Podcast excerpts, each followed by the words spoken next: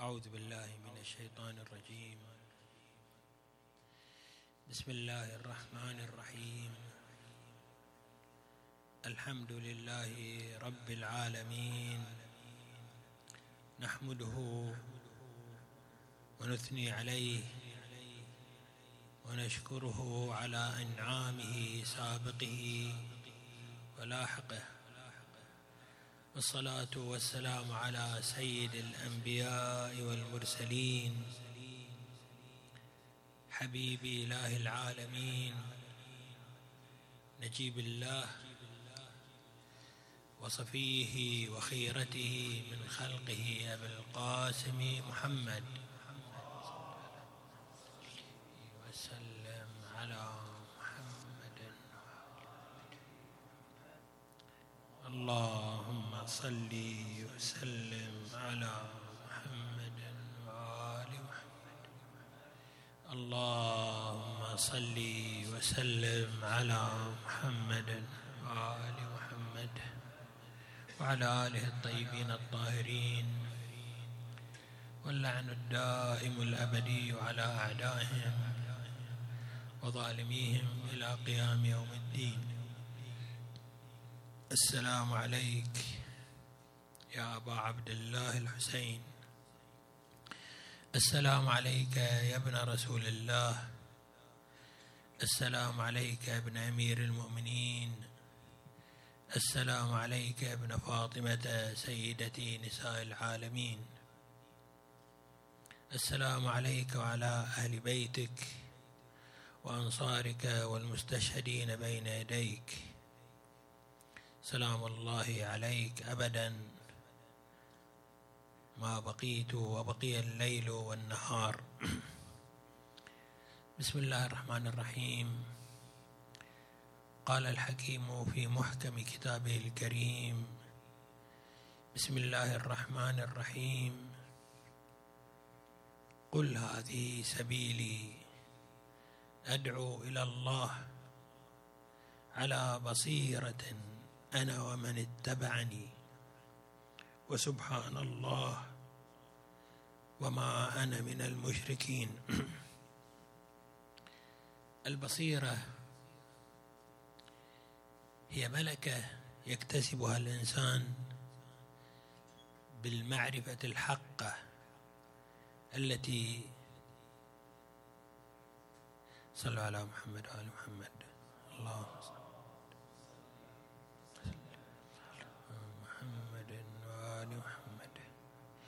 البصيرة هي ملكة يكتسبها الإنسان بالمعرفة التي تنير له الدرب والمسلك. وتأخذ به إلى الفلاح والنجاح والسعادة. تكشف له الواقع وتعرفه على الحق من الباطل. وفي البدء خلق الله الإنسان في بدء وجوده مخلوقا ذا بصيرة.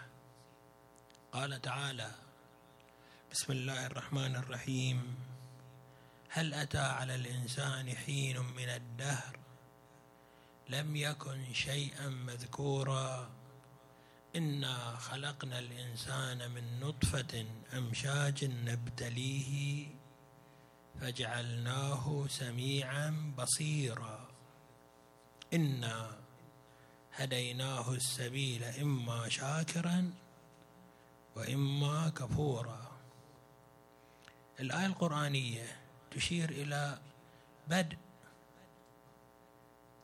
خلق الإنسان وإيجاده. إنا خلقنا الإنسان من نطفة أمشاج نبتليه فجعلناه سميعا بصيرا. لعل البعض حينما يقرأ هذه الآية هذه السورة المباركة لا يلتفت إلى كلمة سميعا بصيرا بل يتبادر إلى ذهننا عاده. أنها إشارة إلى السمع الحسي والبصر الحسي. والآية القرآنية تشمل هذا المعنى بلا شك ولكن لا تحصر تمام خلقة الإنسان في النعم المادية.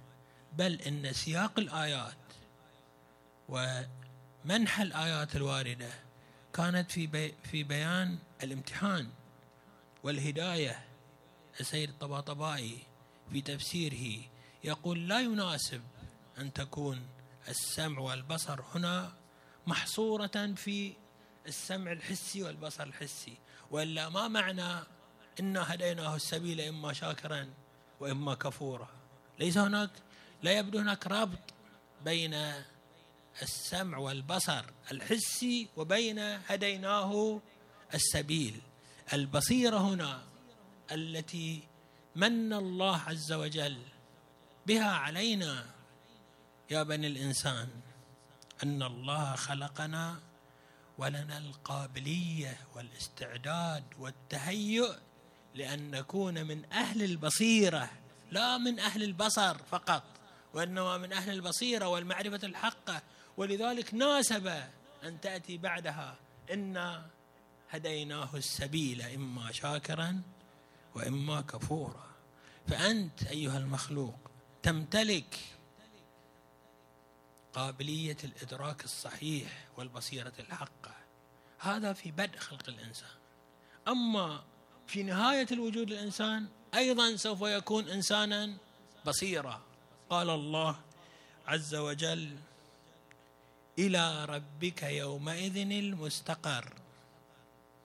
ينبأ الإنسان يومئذ بما قدم وأخر. بل الإنسان على نفسه بصيرة ولو ألقى معاذيره. في نهاية وجودك أيها الإنسان سوف تفتح تفتح لك أبواب المعرفة الحقه وسوف ترى الوجود على أوسع صورة من صور الجمال والكمال. سوف ترى الله عز وجل وترى الأنبياء وترى الأولياء وترى منهج الحق على حقيقته. نعم الإنسان فيما بين البصيرة الابتدائية التي فطر عليها إلى البصيرة النهائية التي سوف يستقر عليها هو قد يضل نفسه هو يسلم نفسه إلى الوهم فترجع عليه البصيرة النهائية بالألم البصيرة الأخيرة التي تحدث الإنسان البصيرة التي تكشف له في الآخرة كما دلت أيضا الآيات القرآنية. ولقد كشفنا لقد كنت في غفلة من هذا فكشفنا عنك غطاءك فبصرك اليوم حديد. كل الأوهام التي أوجدناها على أنفسنا كل هذه الحقائق الأمور المضلة التي تلبسنا بها والتي بنينا وجودنا عليها سوف تضمحل وتنتهي وسوف نرى حقائقنا وارتباطنا بالواحد القهار جل جلاله. سوف تتقشع كل ما في هذا الوجود من أوهام ومن خيالات ومن أمور كاذبة ومن أمور مزيفة ونبقى فقط أمام الحقائق. الحقائق التي كانت بين أيدينا التي جعلها الله عز وجل في أصل فطرتنا. نحن نمتلكها. نحن نمتلك الطريق إليها. نحن رفضناها. ولبسنا بدلا من تلك الحقائق اوهاما وخيالات وخلقنا لنا ولأنفسنا ولمجتمعنا.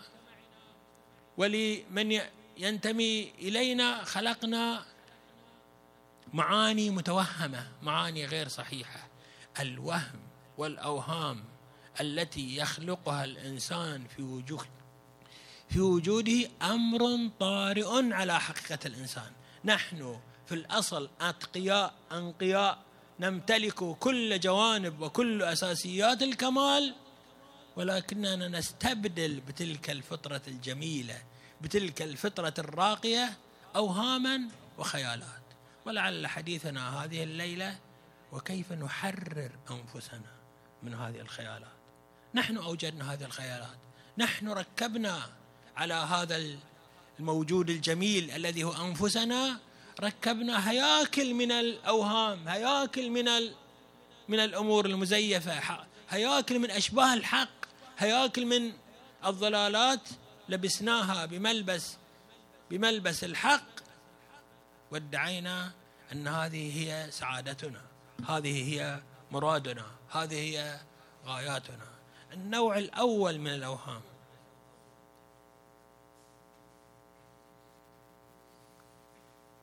وقبل أن نخوض في أنواع الأوهام التي نتلبس بها لعلنا نتوقف عند المائز بين الإنسان ذو البصيرة الذي يحافظ على بصيرته والذي ينمي هذه البصيرة ويحققها من حالة الإمكان والقابلية إلى حالة التحقق في هذه الدنيا وبين الإنسان الذي تضيع بصيرته والذي ينتمي إلى عالم الوهم والوهميات. لعلنا نشير إلى نقاط تبين المائز والفرق بين الإنسان ذو البصيرة والإنسان الذي لا يمتلك البصيرة الذي ضيع بصيرته. كما أشرنا إلى أن الإنسان هو بنفسه يفقد نفسه هذه البصيرة ويحل بدلا منها ويبدلها إلى إلى أوهام وخيالات. أول مائز. في الحديث المروي عن رسول الله صلى الله عليه وآله. صلوا على محمد وآل محمد.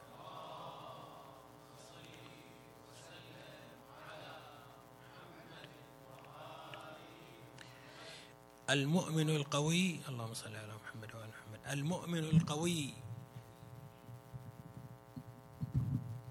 خير.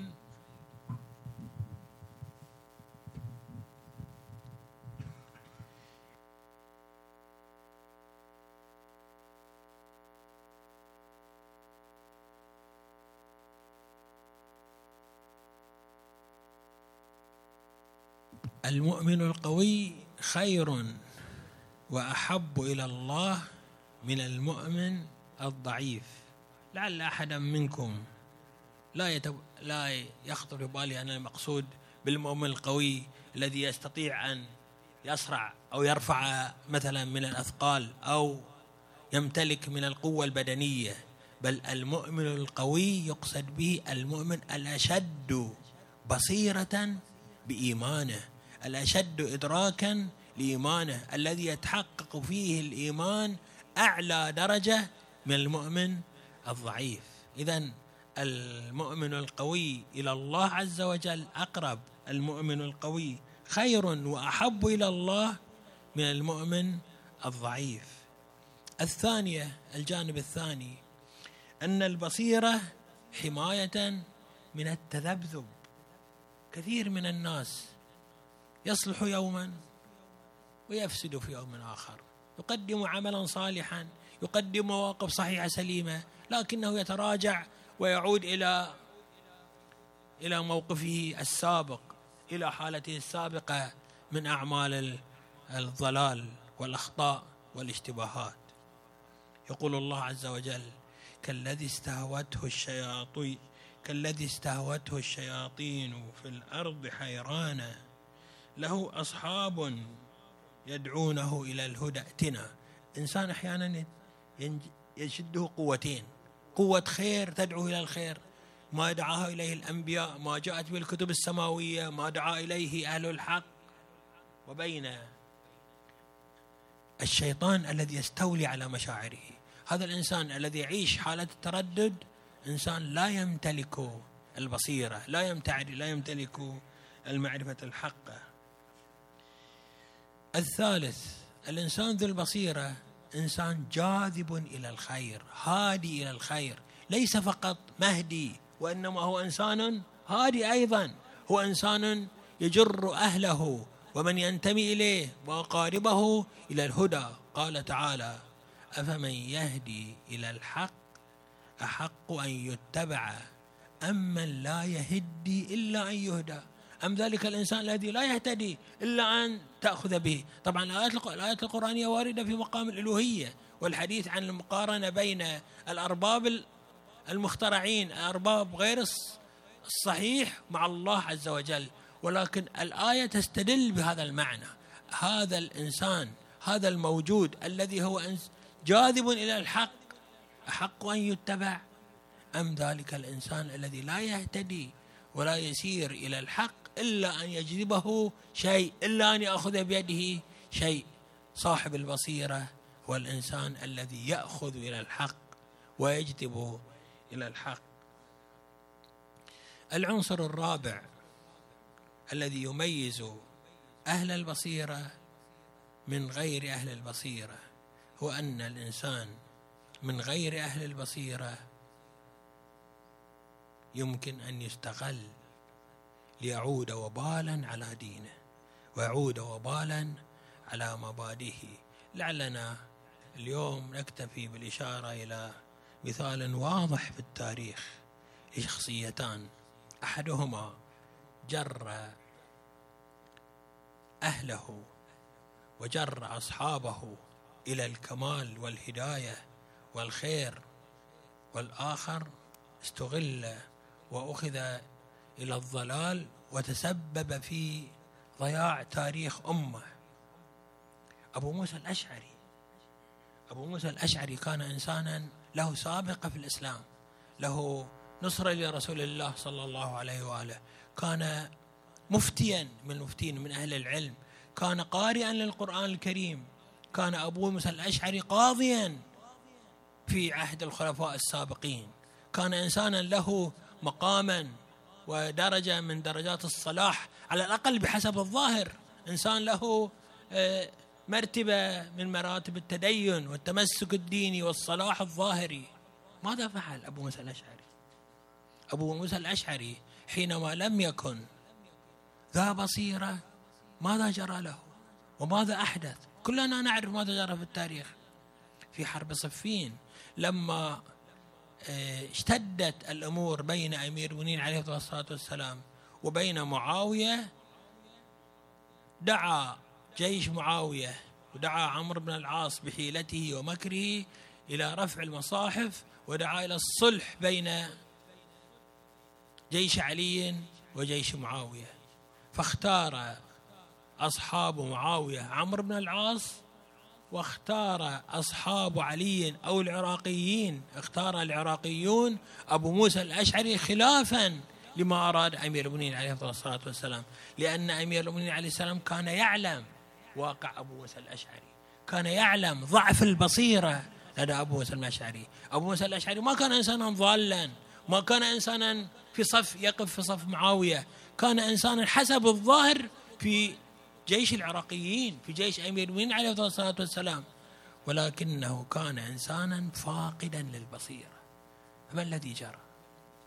استطاع عمرو بن العاص بدهائه ومكره أن يخدع أبا موسى الأشعري ويقنعه بأن يخلع أمير المؤمنين عليه الصلاة والسلام. لا حول ولا قوة إلا بالله العلي العظيم. بعض الكتاب من أصحاب الرأي يقولون إن موقف أبو موسى الأشعري أبشع موقف عرفه شخص في تلك الفترة الزمانية. حينما تكون في جيش علي عليه الصلاة والسلام وتحارب مع علي عليه الصلاة والسلام حينما تكون إنسانا مدركا لمقام أمير عليه الصلاة والسلام ثم تقرنه بمعاوية وتقول أنا أخلع معاوية وأخلع عليا فإنما أنت أيها الإنسان الضال قد ضيعت بصيرتك ضيعت إدراكك ضيعت معرفتك حينما قرنت عليا عليه الصلاة والسلام بمعاوية الذي لا يمتلك ولا قشرة معرفة بمعرفة بأصول الدين وأساسيات الدين. أبو موسى الأشعري مارس دورا أضل به الأمة وضيع الأمة وأعاد الأمة إلى مراحل متأخرة جرت على الأمة. ما جرت من الويلات وما ذلك إلا لضعف بصيرته. ضعف البصيرة أيها الأخوة هو الذي يميز بين موسى الأشعري وبين العباس بن أمير المؤمنين عليه الصلاة والسلام. العباس بن أمير المؤمنين عليه الصلاة والسلام أخذ بيد أصحاب الإمام الحسين عليه الصلاة والسلام إلى أرفع درجات الحقائق إلى المقام الأسمى والأعلى إلى الموقف الأكمل إلى المراحل الأكمل حينما حدد موقفه مع الإمام الحسين عليه الصلاة والسلام. في الحقيقة أن من يدرك ويقرأ ما جرى على الإمام الحسين عليه الصلاة والسلام منذ خروجه من المدينة المورة بل منذ موقفه تجاه يزيد بن معاوية. يعلم أن العباس ابن أمير المؤمنين عليه الصلاة والسلام كان هو العضد الذي وقف إلى جانب الإمام الحسين عليه الصلاة والسلام وكان هو الروح التي بثها العباس بن أمير المؤمنين صلوات الله وسلامه عليه في جيش علي قوة وثباتا وعزيمة فكان كما وصفه الإمام الصادق عليه الصلاة والسلام. كان عمي العباس نافذ البصيرة سر ومحور كمالات العباس عليه الصلاة والسلام. مع كثرتها وكثرة فضائله وكثرة آه، خصاله الكاملة كان محورها هو نفاذ البصيرة الإدراك الصحيح المعرفة الصحيحة بمقام الإمام الحسين عليه الصلاة والسلام. المعرفة النافذة البصيرة النافذة الصحيحة هي التي أخذت بيد العباس عليه الصلاة والسلام ليكون هاديا لأصحابه ولأنصار الإمام الحسين عليه الصلاة والسلام. نسأل الله بحق العباس بن أمير المؤمنين بحق سيدنا ومولانا الإمام الحسين عليه الصلاة والسلام وجده وأبيه وأمه وأخيه والتسعة المعصومين من, من والتسعة المعصومين من ذريته وبنيه أن يكمل بصائرنا وينير لنا قلوبنا فنعرف الحق ونتمسك بالحق ونسير على هدى الحق. والسلام عليكم إخواني المؤمنين. السلام عليك أبا عبد الله. السلام عليك ابن رسول الله. السلام عليك ابن أمير المؤمنين. السلام عليك ابن فاطمة سيدة نساء العالمين. والحمد لله رب العالمين وصلى الله على محمد وآله الطيبين الطاهرين.